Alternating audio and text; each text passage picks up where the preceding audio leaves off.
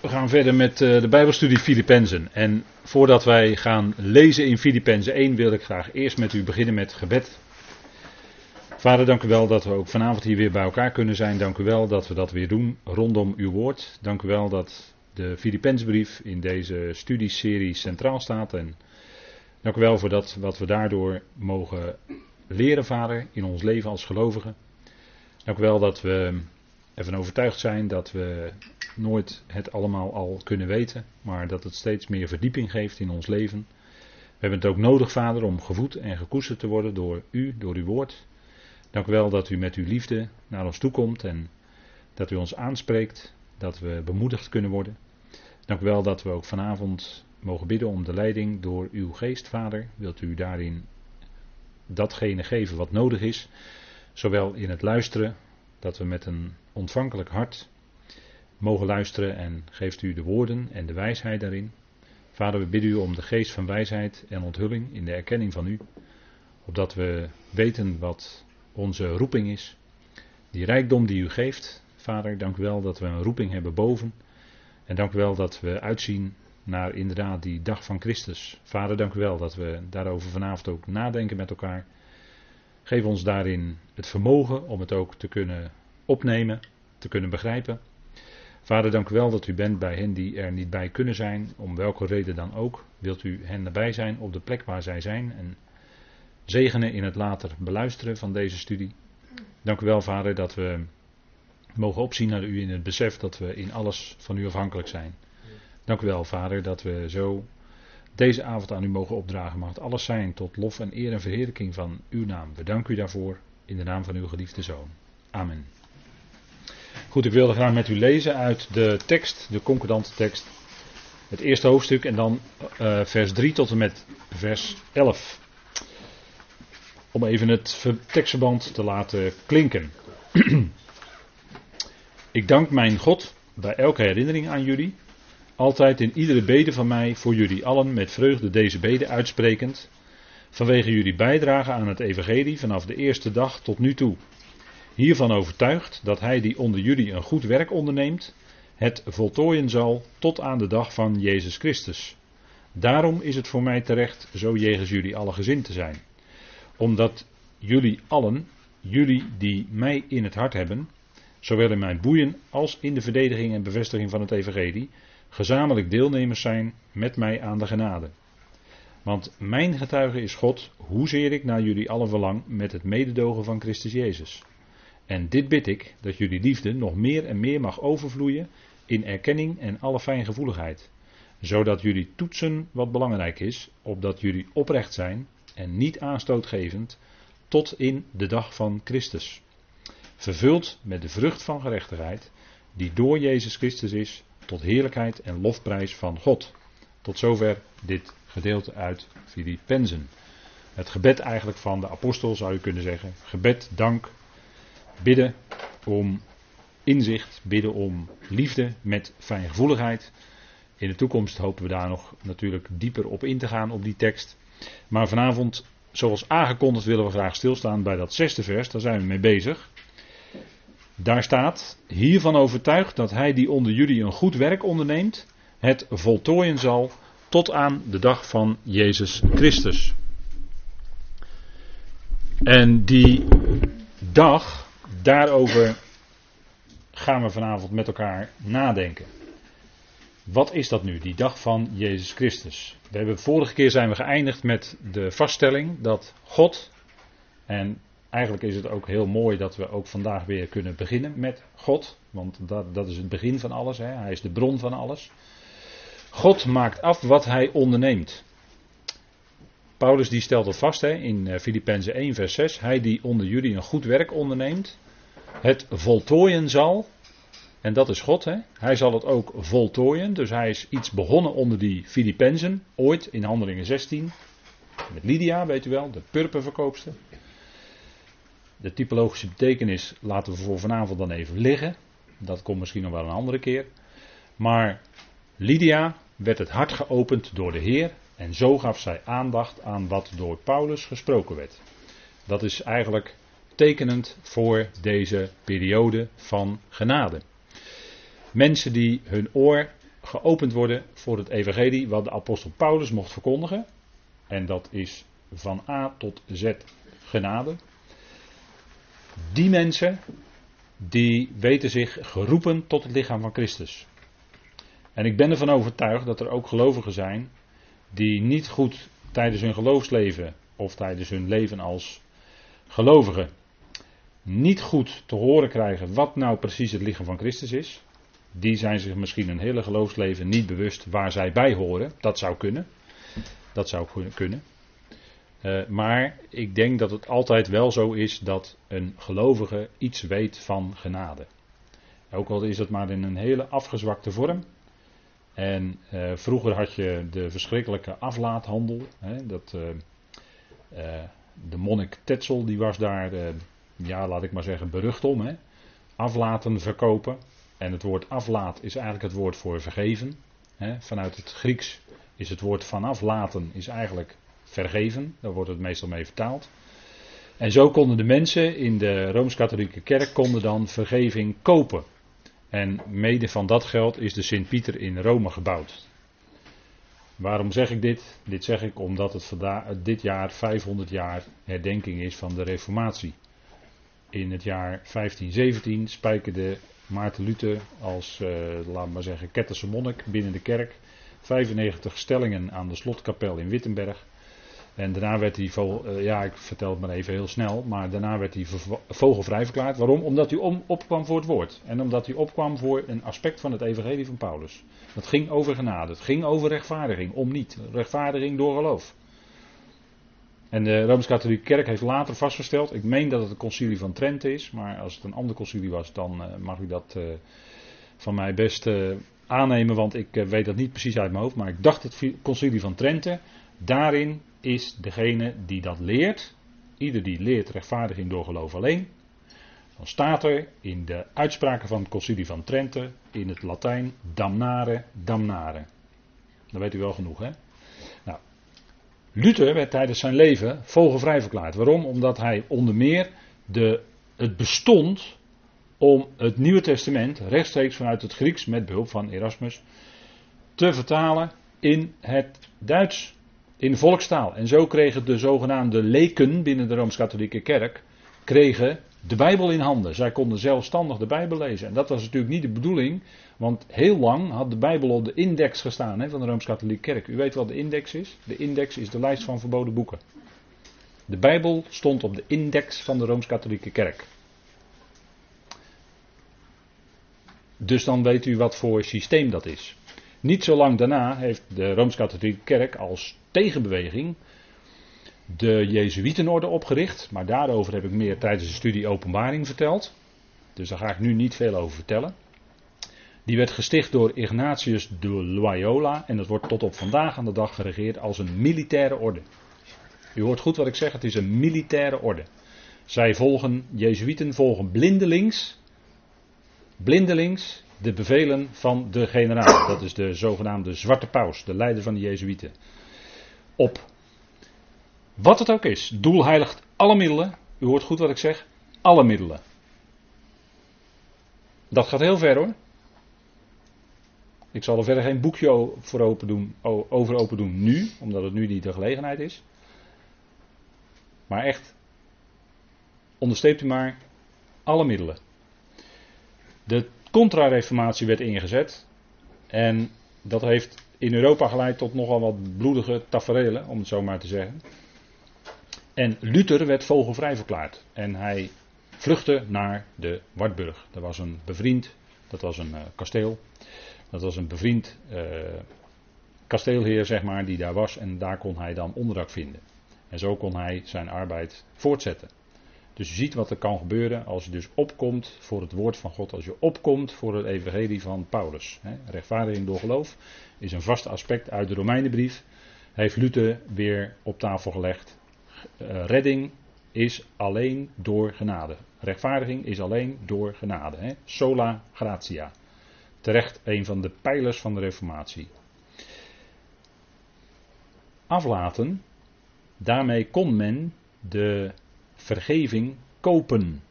Althans, dat werd hun voorgehouden. En zo kreeg de Rooms-Katholieke Kerk geld in het laadje. Zo ging dat dan in die tijd.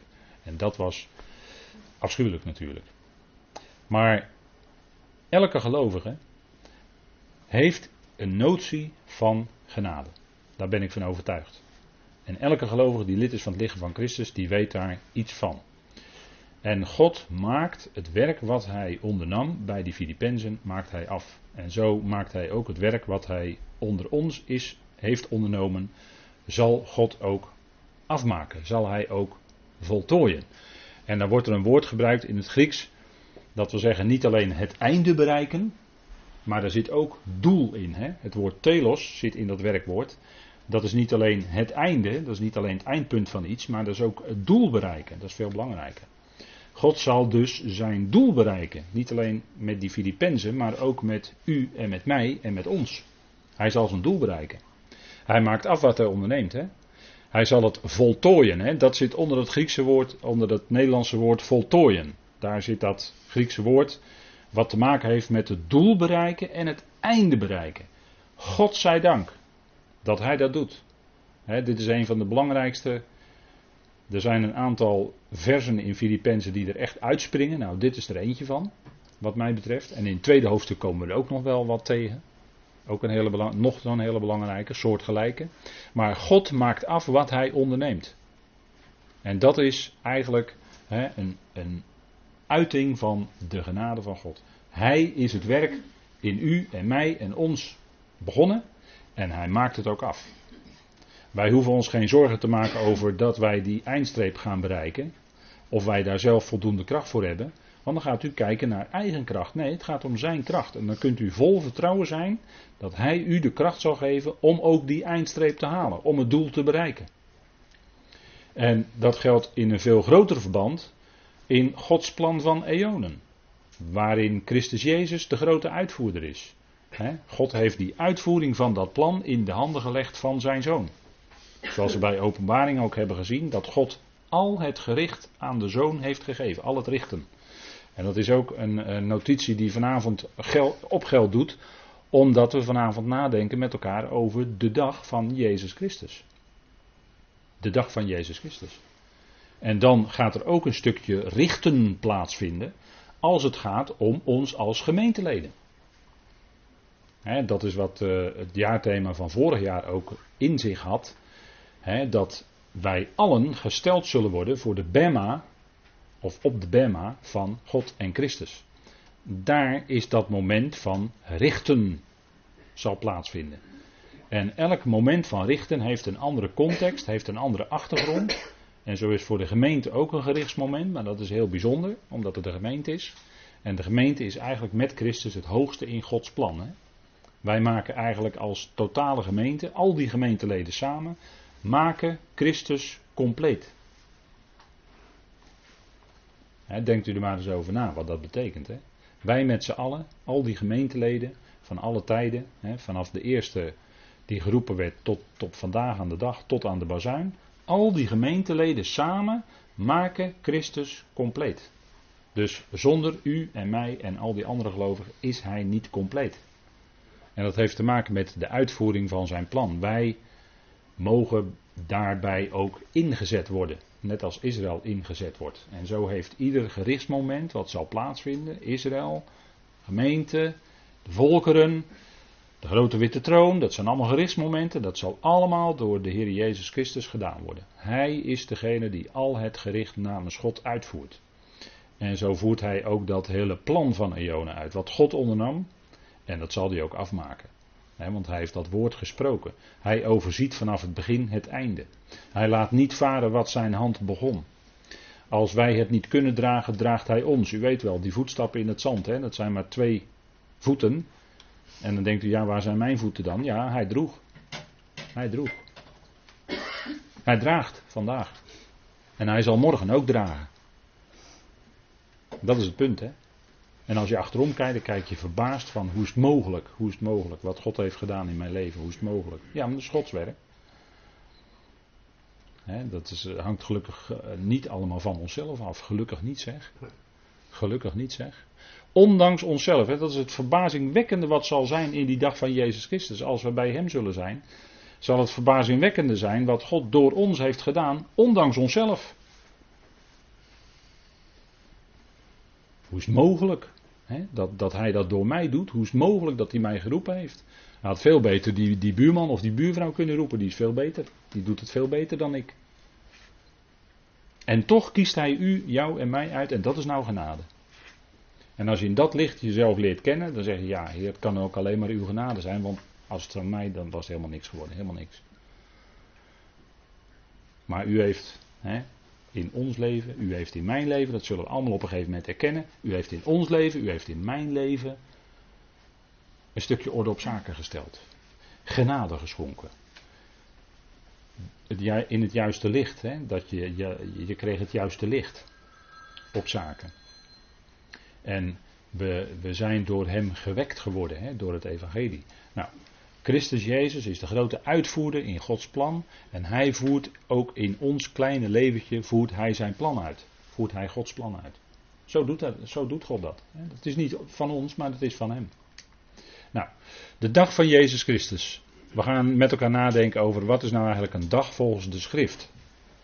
Is dat uh, een dag die, uh, om maar even naar deze klok te kijken, die staat op, ja ik heb even gezocht op internet tot ik een klok had die 5 voor 12 aanwees, want dat is natuurlijk symbolisch hè, daar leven we in, 5 voor 12, misschien wel 1 minuut voor 12, of misschien wel 10 seconden voor 12, wie zou dat zeggen. Hè? Maar goed, wij zeggen, uh, op de. Nou, nee, ik ga niet over de Gregoriaanse kalender praten. Maar 12 uur s'nachts tot 12 uur s'nachts is bij ons een dag. 24 uur. Zo in onze westerse samenleving is dat een dag. Hè? Maar wat is nou een dag volgens de schrift? Nu gaan we even inzoomen op wat de schrift zegt. Want dat is voor ons natuurlijk het belangrijkste. Wat is nou een dag volgens de schrift? Is dat zomaar 24 uur?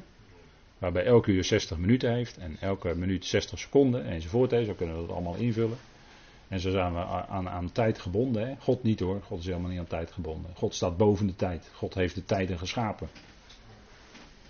Dat kunnen wij ons helemaal niet voorstellen. De tijdloosheid bij God. Maar daar zullen wij ook in komen. Hè? Zodra de bazuin geklonken heeft, gaan we gelijk over in de tijdloosheid. Dat is gelijk een hele andere dimensie. In alle opzichten is dat zo. Ook qua tijd begrip betreft. Hè? En als we nadenken over een dag volgens de schrift, dan heeft u daar misschien wel wat ideeën bij, totdat je gaat inzoomen op wat de schrift zegt. En dan moet je misschien toch wat eigen ideeën inleveren. Dat zou zomaar kunnen vanavond. Een dag. Als we even kijken hoe dat in het Nederlands gebruikt wordt. Het woord dag, dat kennen wij wel. Nou, daar heb je talloze vormen van. Nou, ik had het net even over Luther. Hè. Die stond op een gegeven moment voor de Rijksdag in Worms. Maar wat, is nou een, wat was nou een Rijksdag? Dat was een soort rechtbank, hè? Dus een dag, en daarom word je ook gedagvaard. Als je voor de kantonrechter of als je voor de rechter moet komen. Dat is een dagvaarding. Ziet u dat het woord dag te maken heeft met een stukje recht of richten of rechter? Iemand voor de rechter dagen, zeggen wij dat zouden wij onderling niet doen. De Corinthiërs deden dat wel. die sleept elkaar voor de rechter. Want die wilden hun gelijk halen. Die wilden zichzelf rechtvaardigen. De Corinthiërs die wilden zichzelf rechtvaardigen. En daagden ze dus anderen voor de rechter, notabene, voor de wereldlijke rechter, zegt Paulus. En is er dan niet een wijs iemand te midden van jullie die, die tussen broeders dan recht kan spreken, zegt hij dan? schandalig eigenlijk hoor. Als gelovigen elkaar voor de rechter gaan slepen, voor de wereldlijke rechter. Ze moesten zich diep schamen als dat gebeurt. Maar het gebeurt vandaag de dag nog steeds. Voor de rechterdagen, hè, of je viert je verjaardag, hè, dan herdenk je de dag dat je geboren bent. Hè, dat is nou pech als je op 29 februari bent geboren. Of misschien is dat wel gelukkig voor je, dan is het lekker goedkoop. Hè? Drie jaar lang geen verjaardag vieren, pas één keer in de vier jaar. Hoef je pas één keer in de vier jaar al die kosten te betalen. Is ook nog makkelijk. Hè? Je verjaardag, nou, een dag. Hè? Zo kun je natuurlijk nog wel meer dingen noemen. Maar wat is nou volgens de schrift een dag? Dan gaan we terug naar Genesis, naar het begin. Genesis 1 gaan we eens met elkaar lezen wat daar nou staat. want dat is toch het fundamentele. Daar begint het allemaal in Genesis. Dan moet je gewoon beginnen bij het begin. Berashit. in het begin. En dan lezen we over dag en nacht. En dan staat er in Genesis 1, misschien kunt u dat inderdaad even meelezen.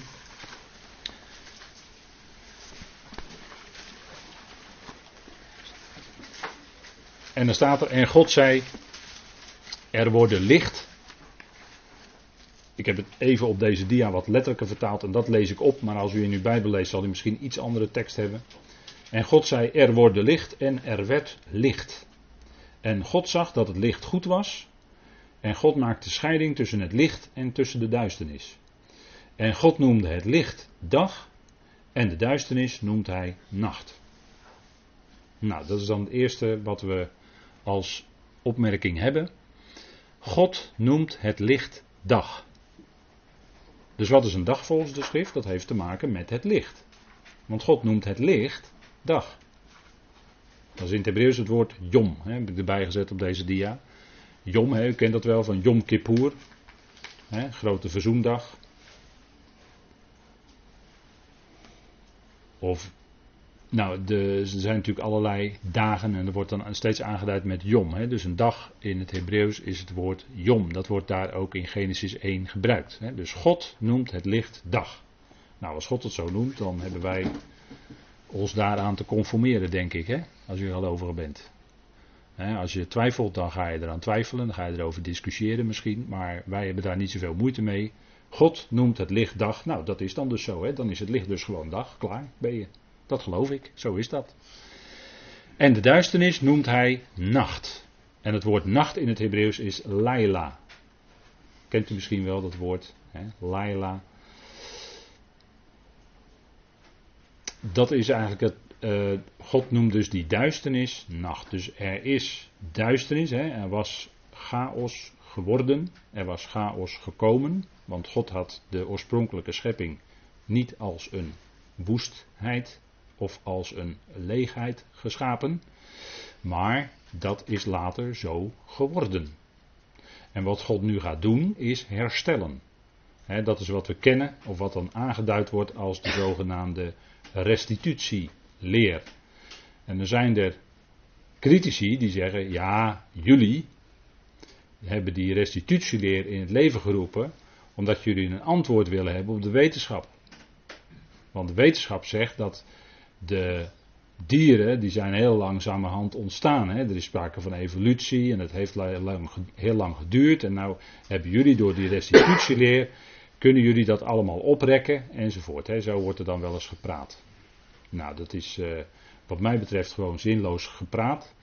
Want kijk, de schrift maakt duidelijk dat God in het begin de hemelen en de aarde geschapen heeft. En de schrift zelf zegt dat hij dat niet als een woestheid geschapen heeft. Staat in Jezaja. En dat geloof ik. Dus voor mij is dat niet een zaak van antwoord geven op de evolutietheorie, die ook nog maar, nou, nou ja, nog maar misschien net 150 jaar oud is hoor. toen is dat uitgevonden. En veel eerder was Genesis 1 vers 1 al geschreven volgens mij. En Jezaja 45 ook. dus als het nou om gaat, wat was er eerder? dan heb ik toch liever die betrouwbare schrift. En die zegt dat God het oorspronkelijk niet als een woestheid heeft geschapen. Dus als in Genesis 1 vers 2 dan staat dat er sprake was van woestheid en leegheid en duisternis, dan was dat niet oorspronkelijk door God zo geschapen, want God is licht. Dus in het begin was er alleen licht. Die duisternis is er later gekomen. En wat is dat? Dat is omdat God het licht ging terugtrekken. Want dat is het woord goshek in het Hebreeuws. Betekent letterlijk terugtrekken. Dus daar waar God het licht terugtrekt, daar ontstaat duisternis. En dat heeft hij gedaan omdat op een gegeven moment de tegenstander als tegenstander was geschapen.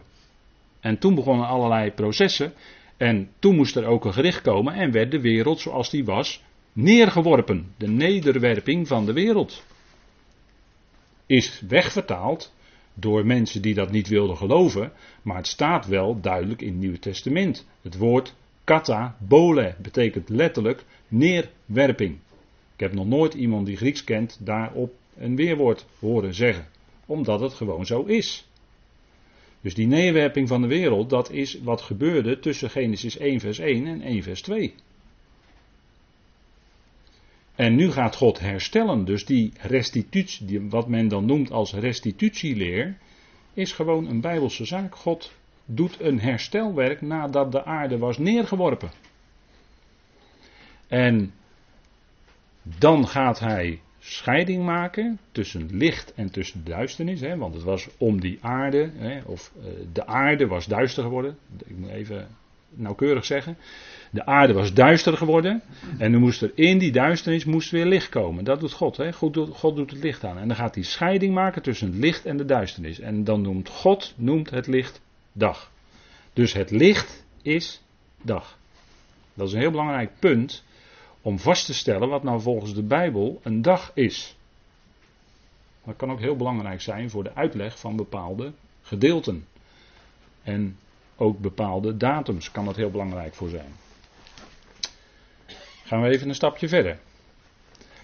En dan staat er in 1 vers 5, in de Statenvertaling, maar helaas, op dit punt helaas is die wat minder goed.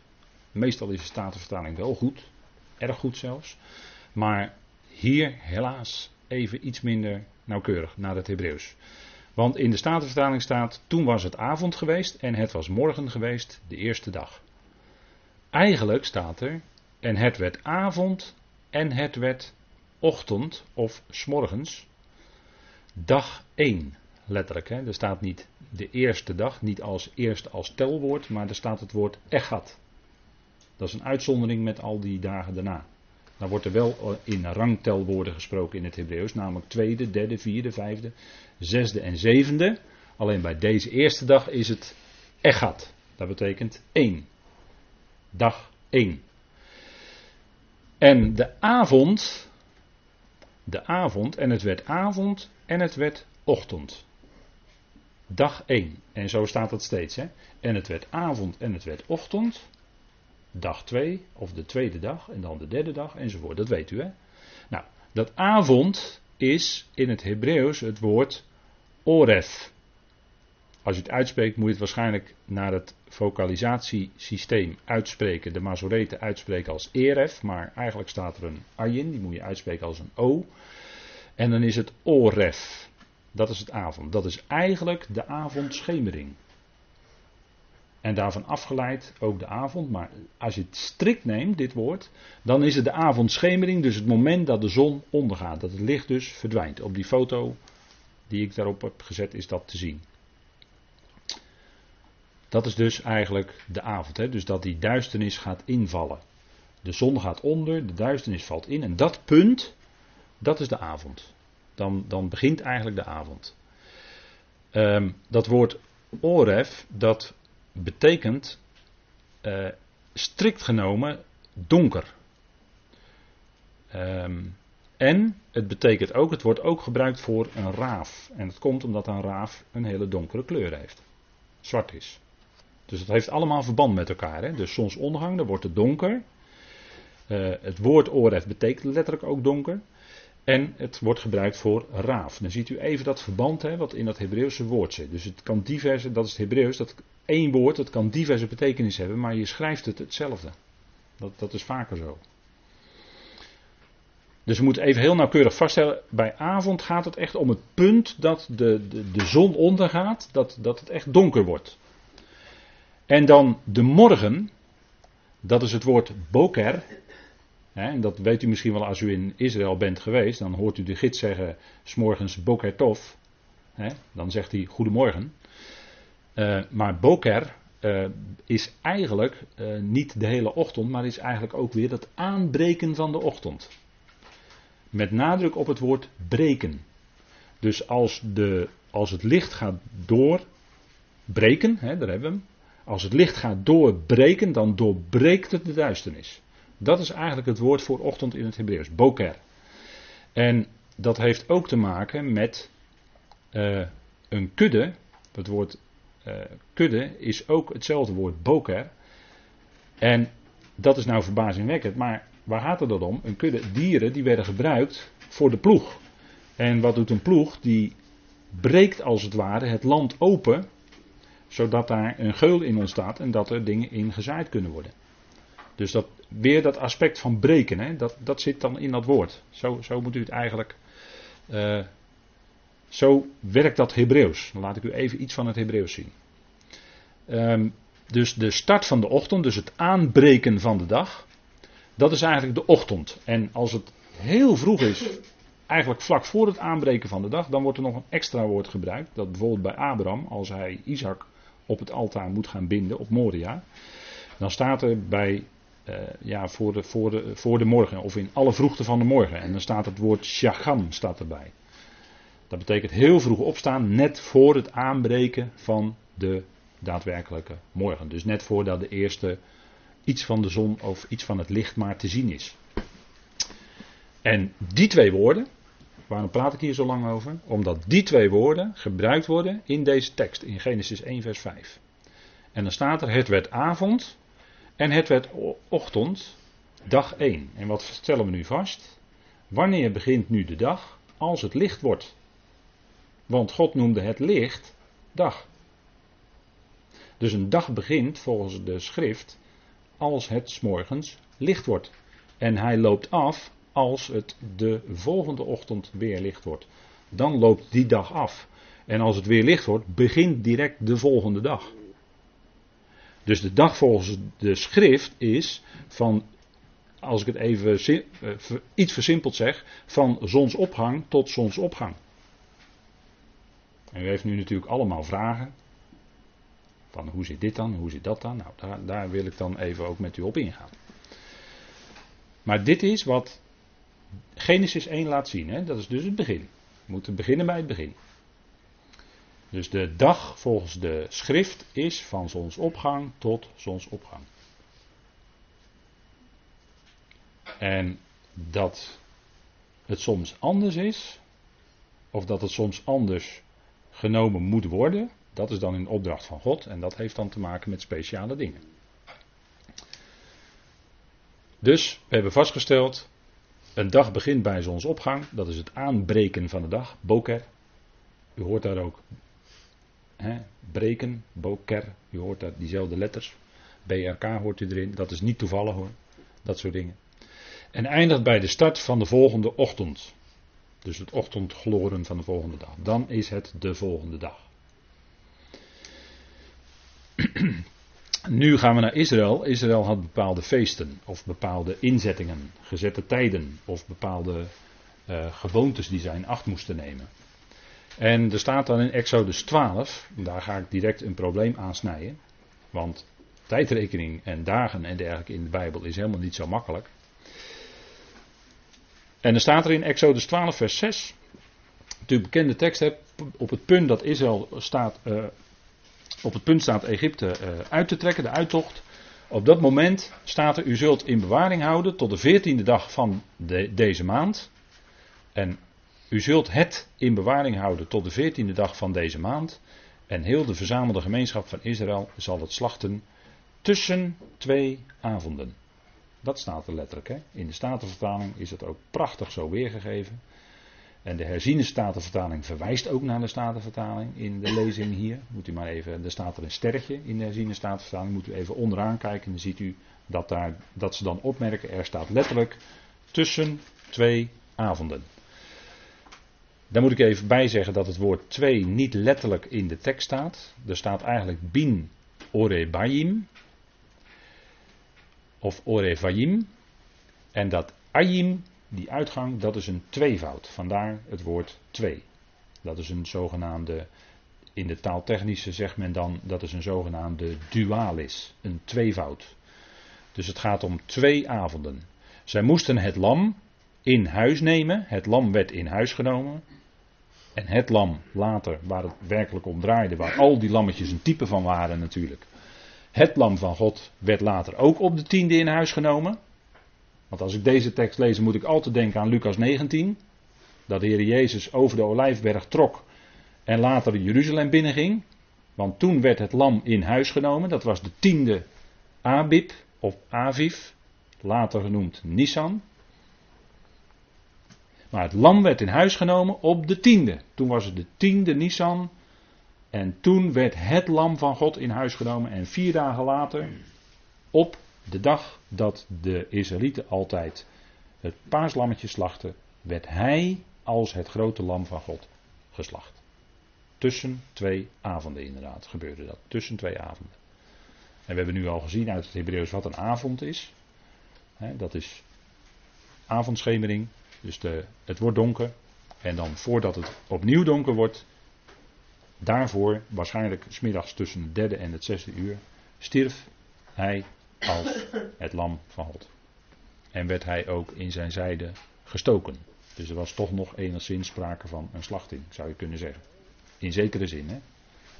Ik weet dat er allerlei aspecten aan vastzitten, maar daar gaan we nu niet op in. Maar het lam van God werd in huis genomen op de tiende. En dat moesten de Israëlieten ook doen. Er staat er tussen twee avonden. En in een aantal situaties, en dat is ook, heeft ook hier verband mee. Maar in een aantal situaties moesten de Israëlieten een bijzondere dag vieren. Dat doen ze overigens elke week. Dat is de Shabbat. Want u zegt van ja, de Shabbat, de Joden vieren de Shabbat op vrijdagavond. Hè? Als vrijdagavond de zon is ondergegaan, dan begint hun Shabbat. Dus volgens de Joden, denkt u, is een dag van zonsondergang tot zonsondergang. Dat is een Joodse dag, denkt u hè? Maar dat is niet zo hoor, want de Joden weten zelf heel goed wat er in Genesis 1 staat. En er zijn verschillende Mishna's die ook uitleggen dat een dag volgens de Bijbel van zonsopgang tot zonsopgang is. Dus ze weten het wel zelf. Alleen de Shabbat, de Shabbat, die moesten ze, dat was een inzetting, die moeten ze houden vanaf dat het donker wordt, vrijdagavond, totdat het, donker, totdat het weer donker wordt, zaterdagavond. Dat is de tijd van de Shabbat. Maar dat wil niet zeggen dat een Bijbelse dag dus van zonsondergang tot zonsondergang is. Die twee dingen moeten niet met elkaar verwarren. Ja, dus het wordt al wat moeilijker nu, hè? Het wordt al wat moeilijker, ja. Kijk, op de veertiende, in de eerste staat er, ik heb het even heel letterlijk vertaald, Exodus 12, vers 18. In de eerste, in de veertiende dag van de maand, dus het gaat eigenlijk om de eerste maand, en dan op de veertiende dag van de maand. Maar zo staat, zo volg ik letterlijk het Hebreeuws. In de eerste, in de veertiende dag van de maand, in de avond, zullen jullie ongezuurde eten. Het woord koeken staat er niet. Maar er staat gewoon ongezuurde eten tot dag 21 van de maand in de avond. Dus ze moesten dat doen van de avond tot de avond. Ziet u? Maar dat was gewoon een inzetting voor Israël. Dat zegt niets over hoe een Bijbelse dag is. Dat is een inzetting. En deze ongezuurde, dat is natuurlijk eerst hè, Pesach en daarna, hè, eerst was het Pesach en daarna heb je het feest, of de, de gezette tijd, moet ik eigenlijk zeggen, van de ongezuurde. En die duurde vanaf de 14e in de avond tot 21 in de avond. Daar gold dat ongezuurde eten. Overeenstemmend met een vlekkeloos lam. Paulus gebruikt dat ook als beeld ongezuur, dat er geen zuur meer is, dat er geen zuur, deze mocht erin zitten. Natuurlijk een beeld van een aantal dingen. Maar goed, even nog terugkomen op die Shabbat. Ik heb het er net al even aangegeven. Maar als zij dus een Shabbat, hè, want er was niet alleen de wekelijkse Shabbat hadden ze, maar ze hadden ook nog bijzondere dagen die ook als een Shabbat golden. Als extra rustdagen zou je kunnen zeggen. En dan staat er, ik heb er bovenaan hier gezet, Shabbat is van vrijdagavond tot zaterdagavond. Nou, ik denk dat, dat we daar allemaal met elkaar over eens kunnen zijn, want zo is dat? Zo is dat ook naar de schrift. En dan staat er in Leviticus 23, en dan gaat het over grote verzoendag, daar moet ik er even bij zeggen. In Leviticus 23 vinden we een aantal gezette tijden die God heeft ingesteld voor Israël. Eén daarvan was grote verzoendag. En dat moest op de tiende grote verzoendag is in principe op de tiende van de zevende maand. En nu ga ik het nog moeilijker maken. Nu ga ik het nog moeilijker maken. De zevende maand was eigenlijk de eerste maand. Want we hadden het net over de maand Abib of Aviv of Nissan. En dat was eigenlijk op dat moment bij de uittocht was het de zevende maand. Maar op het moment van de uittocht bepaalde God en niemand anders dat dat de eerste maand moest worden. Dus je hebt een verspringing van een half jaar. En dat kan voor latere uitleg van profetie ook heel belangrijk zijn, die verspringing eventueel. En dat kan ook bepaalde dingen verklaren waarom dingen zo in de schrift staan. Maar deze zevende maand, hè, wat nu dan de zevende maand is, dus waarop de grote verzoendag gehouden moest worden, op de tiende van de zevende maand, dat was eigenlijk de eerste maand. En die begint dan ook met Rosh Hashanah. Weet u wel? Het Joodse nieuwjaar. En dan wensen ze elkaar een goed en zoet nieuwjaar, weet u wel? En dan uh, kan je appels en honing geloven, nou weet ik allemaal niet. Maar het zal voor jullie een Shabbat zijn, staat er. Een dag van stoppen. Er staat niet rusten, maar een dag van stoppen. Want God rustte niet op de zevende dag. Wat is dat belachelijk als je dat denkt. Sorry, oh nee, sorry, dat is verkeerde uitdrukking. Wat is dat dwaas als wij dat zouden denken, dat God rusten zou. God rusten? Hoezo? Hoezo God rusten? God is toch geen mens? Dat staat er ook niet. God stopte. Dat staat er. Hij stopte met werken op de zevende. En als wij als gelovigen denken dat, dat God dan zou rusten, dan zijn, dan zijn u en ik als gelovigen, als wij dat denken, zijn we gewoon dwaas. God rusten. Kom nou toch, kom nou toch. God is toch geen mens, alsjeblieft zeg. Hou nou toch op. God stopte van het werk, van het herstelwerk op de zevende dag. Dat is het. En dat is ook het woord wat hier gebruikt wordt. Het zal voor jullie een Shabbat zijn, een dag van stoppen. En jullie zullen je zielen verootmoedigen. Dat is hè, een zielen verootmoedigen. Hè, daar, daarvoor is ook die verzoendag. Hè. En daarvoor hebben ze dan vanaf uh, Rosh tot aan de grote verzoendag, die tien dagen, weet u wel, die tien verschrikkelijke dagen, dan komen ze tot inkeer en dan moeten ze vergeving vragen aan hun broeder enzovoort. Hè, en noem maar op, dat soort dingen. Um, je zult je verootmoedigen, daarvoor is dat. Hè. Daarom gaan ze in die tien dagen gaan ze zich eigenlijk al verootmoedigen als voorbereiding op Yom Kippur, dat ze zich moeten verootmoedigen. En op zich is dat natuurlijk helemaal niet zo gek. Hè, dat de mens zich verootmoedigt. Hè. Daar zit het woord ootmoedigen in. En dat is de gezindheid van Christus Jezus. Hè, de ootmoedige gezindheid, wat eigenlijk het centrale gegeven is in de hele Filippenzenbrief. Dat wij niet geroepen zijn om te heersen, maar om te dienen. En als je werkelijk ootmoedig dient, dan wil je ook helemaal niet heersen, dan wil je gewoon dienen. Dat is ootmoedigheid. En dat is, heeft de Heer ons voorgedaan. Laten we naar de Heer kijken. S'avonds, of letterlijk in de negende dag van de maand, zullen jullie Shabbat stoppen, staat er. Heel grappig. Zullen jullie Shabbat stoppen.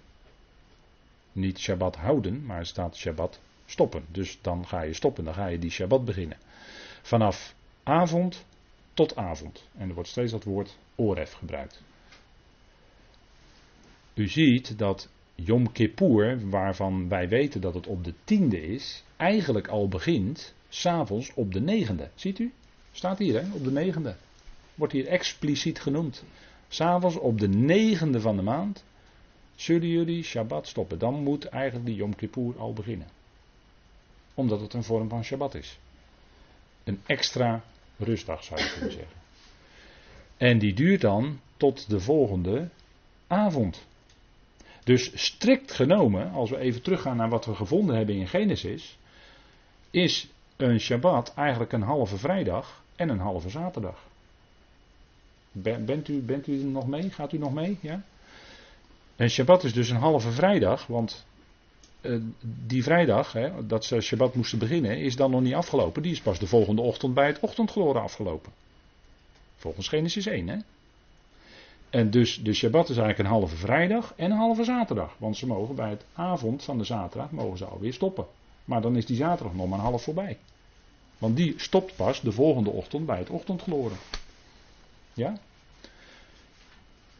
Vandaar dat hier staat, s'avonds op de negende van de maand zullen jullie Shabbat stoppen vanaf avond tot avond. Dus die duurt tot de avond van de tiende. Maar dan is die tiende nog niet voorbij. Als je aan een kalenderblaadje denkt. Dus het houden van Shabbat is wat anders dan een kalenderblaadje afscheuren.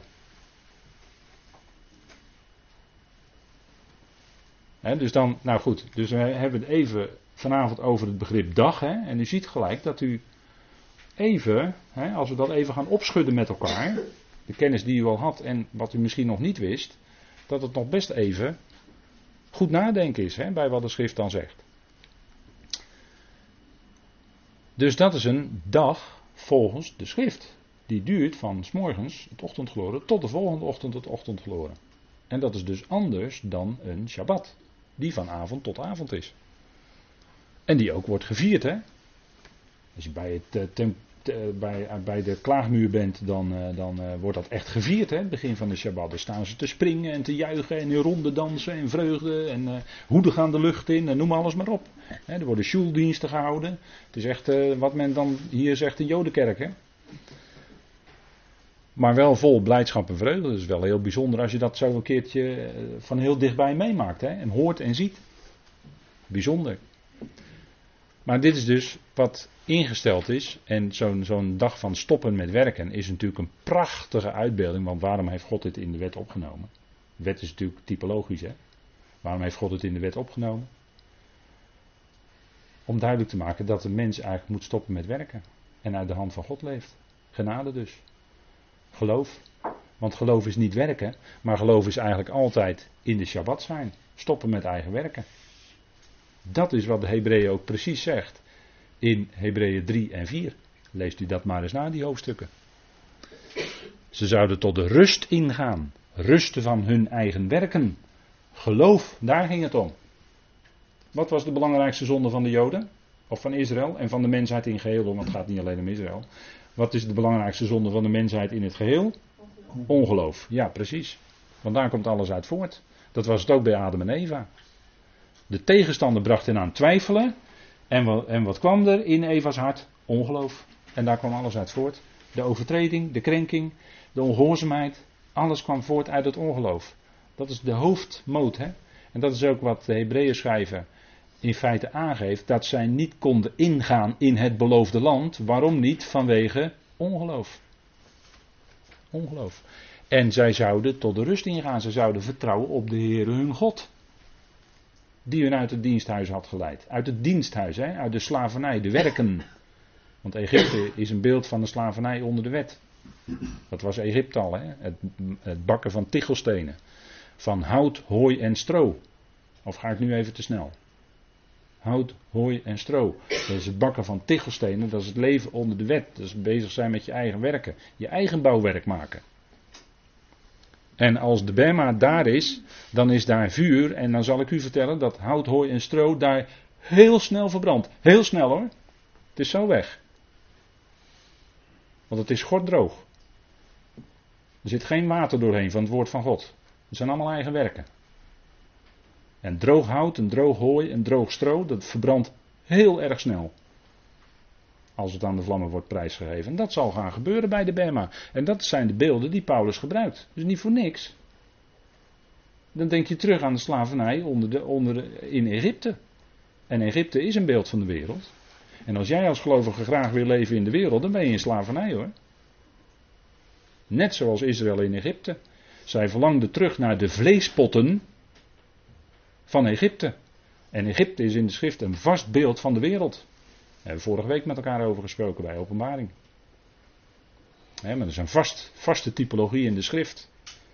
En dat is voor ons, hè, want al die dingen zijn ons tot voorbeelden opgeschreven. Die hele woestijnreis. Het volk murmureerde voortdurend tegen Mozes, tegen degene die door God daar gesteld was.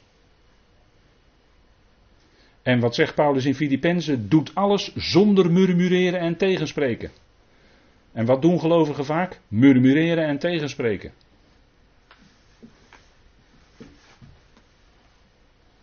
Dat, dat is wat gebeurt onder gelovigen. Daar lopen we toch met z'n allen lang genoeg voor mee, denk ik, om dat te weten. Maar dat is niet een uiting van geloof. Dat is eigenlijk een uiting van ongeloof, net zoals dat bij dat volk was. Twijfel aan het woord van God. Moet het wel zo? Doet God het wel zo in deze tijd? Ja, God doet het zo in deze tijd. God werkt met genade. Ja, God werkt met genade, precies. Zo is het. En Hij zet in bij ons. Hè, hij zet ons in in zijn dienst. En we zouden dat doen zonder murmureren en tegenspreken. En dan kan het best zijn dat jij nou datgene te doen krijgt waar jij het zo moeilijk mee hebt. Het zou best eens kunnen zijn dat God precies dan die weg met jou gaat. Om jou te leren dat je niet op jezelf, op je eigen vlees kan vertrouwen, maar alleen op God en zijn genade. Dat het genade is dat je het kan doen. Dat Hij de kracht geeft. Diverse dagen in de schrift. We denken erover na. We hebben alleen nog maar stilgestaan bij een dag. Hè? Bij een dag. En er was al heel wat eigenlijk over te zeggen met elkaar. En moesten we even goed nadenken. Hè? Het is uh, avond, hebben we net gegeten. ben misschien slaperig, maar moet toch even nadenken nog. Hè? Maar diverse dagen in de schrift. We denken na over de dag van Jezus Christus. En wat is dan die dag? Is dat dan een dag van 24 uur? Of is dat een dag van zonsopgang tot zonsopgang, zoals we net hebben vastgesteld? Hè? Is dat één, één zo'n dag? Of is dat wat anders? Nou, ik heb er een paar op een rijtje gezet. Als je de schrift doorloopt op het woord dag.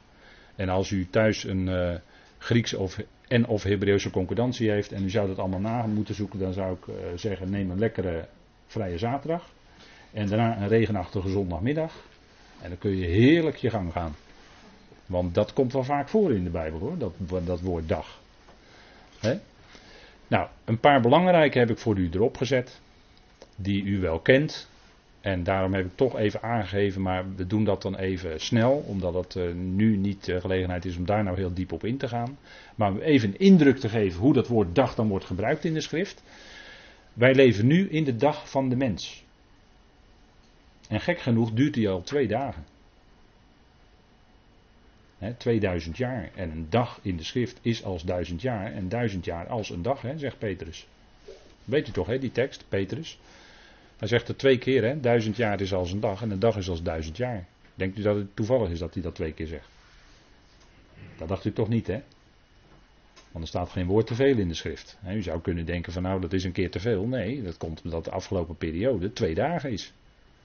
En omdat God de belofte aan zijn volk had gegeven in Hosea, dat na twee dagen zij zouden herleven, weet u wel, Hosea 6, de bekende profetie. Na twee dagen zouden ze uit hun graven opkomen, zouden ze herleven. Nou, dat, eh, dat is wat gebeurt. Daar, daar, we, zijn, we staan op de drempel ervan. De dag van de mens, die duurt al minstens 2000 jaar. Zou je kunnen zeggen, hè? en misschien nog wel langer. Maar de afgelopen 2000 jaar, twee dagen, is het heel duidelijk dag van de mens. Oordeel is in de handen van de mens gegeven. De mens mag richten over de andere mens. En we zien hoe moeilijk dat is. En Paulus gebruikt die uitdrukking een menselijke dag in 1 Korinthe 4 vers 3. En daar komen we straks na de pauze nog verder op terug. Dan hebben we ook het begrip dag van de Heer. Of de dag des Heren, hè, zoals die altijd wordt genoemd. Nou, daar verwijs ik u voor naar de studies van openbaring. Daar hebben we uitgebreid met elkaar gesproken al over de dag des Heren. Maar u kunt die bijvoorbeeld vinden in openbaring 1 vers 10, hè, waarin Johannes in de geest was in de dag des Heren. Niet op zondag, maar in de dag des Heren. Dat is heel wat anders dan de zondag. Gaat daar echt niet over de zondag hoor. Maar Johannes werd geplaatst op Patmos in de geest in de dag des Heren. En als je de oud-testamentische profetie kent, dan weet je gelijk dat het die dag is die zo vaak door de profeten wordt genoemd. Hè? Ik noem u alleen Jezaja 13, ik noem u Joel 2, ik noem u Zefania. En zo zouden nog wel een aantal teksten meer aan te vullen zijn. Hè?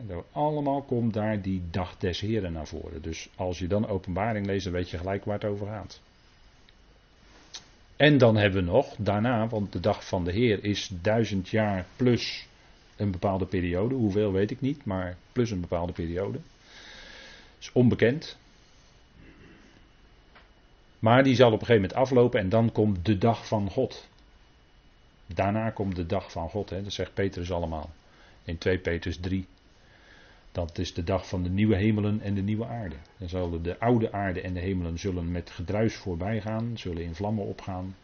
En dan zal er een geweldige nieuwe hemelen en nieuwe aarde komen. Dat is de dag van God. Nou, dat is iets geweldigs hoor. Want dan, eh, wat, je, wat je dan hebt, dat is allemaal zo geweldig. dan zit je eigenlijk al in de nieuwe schepping.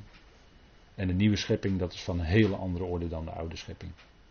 Dat weten wij als gelovigen, want wij zijn in Christus al een nieuwe schepping. En daarom zouden we niet.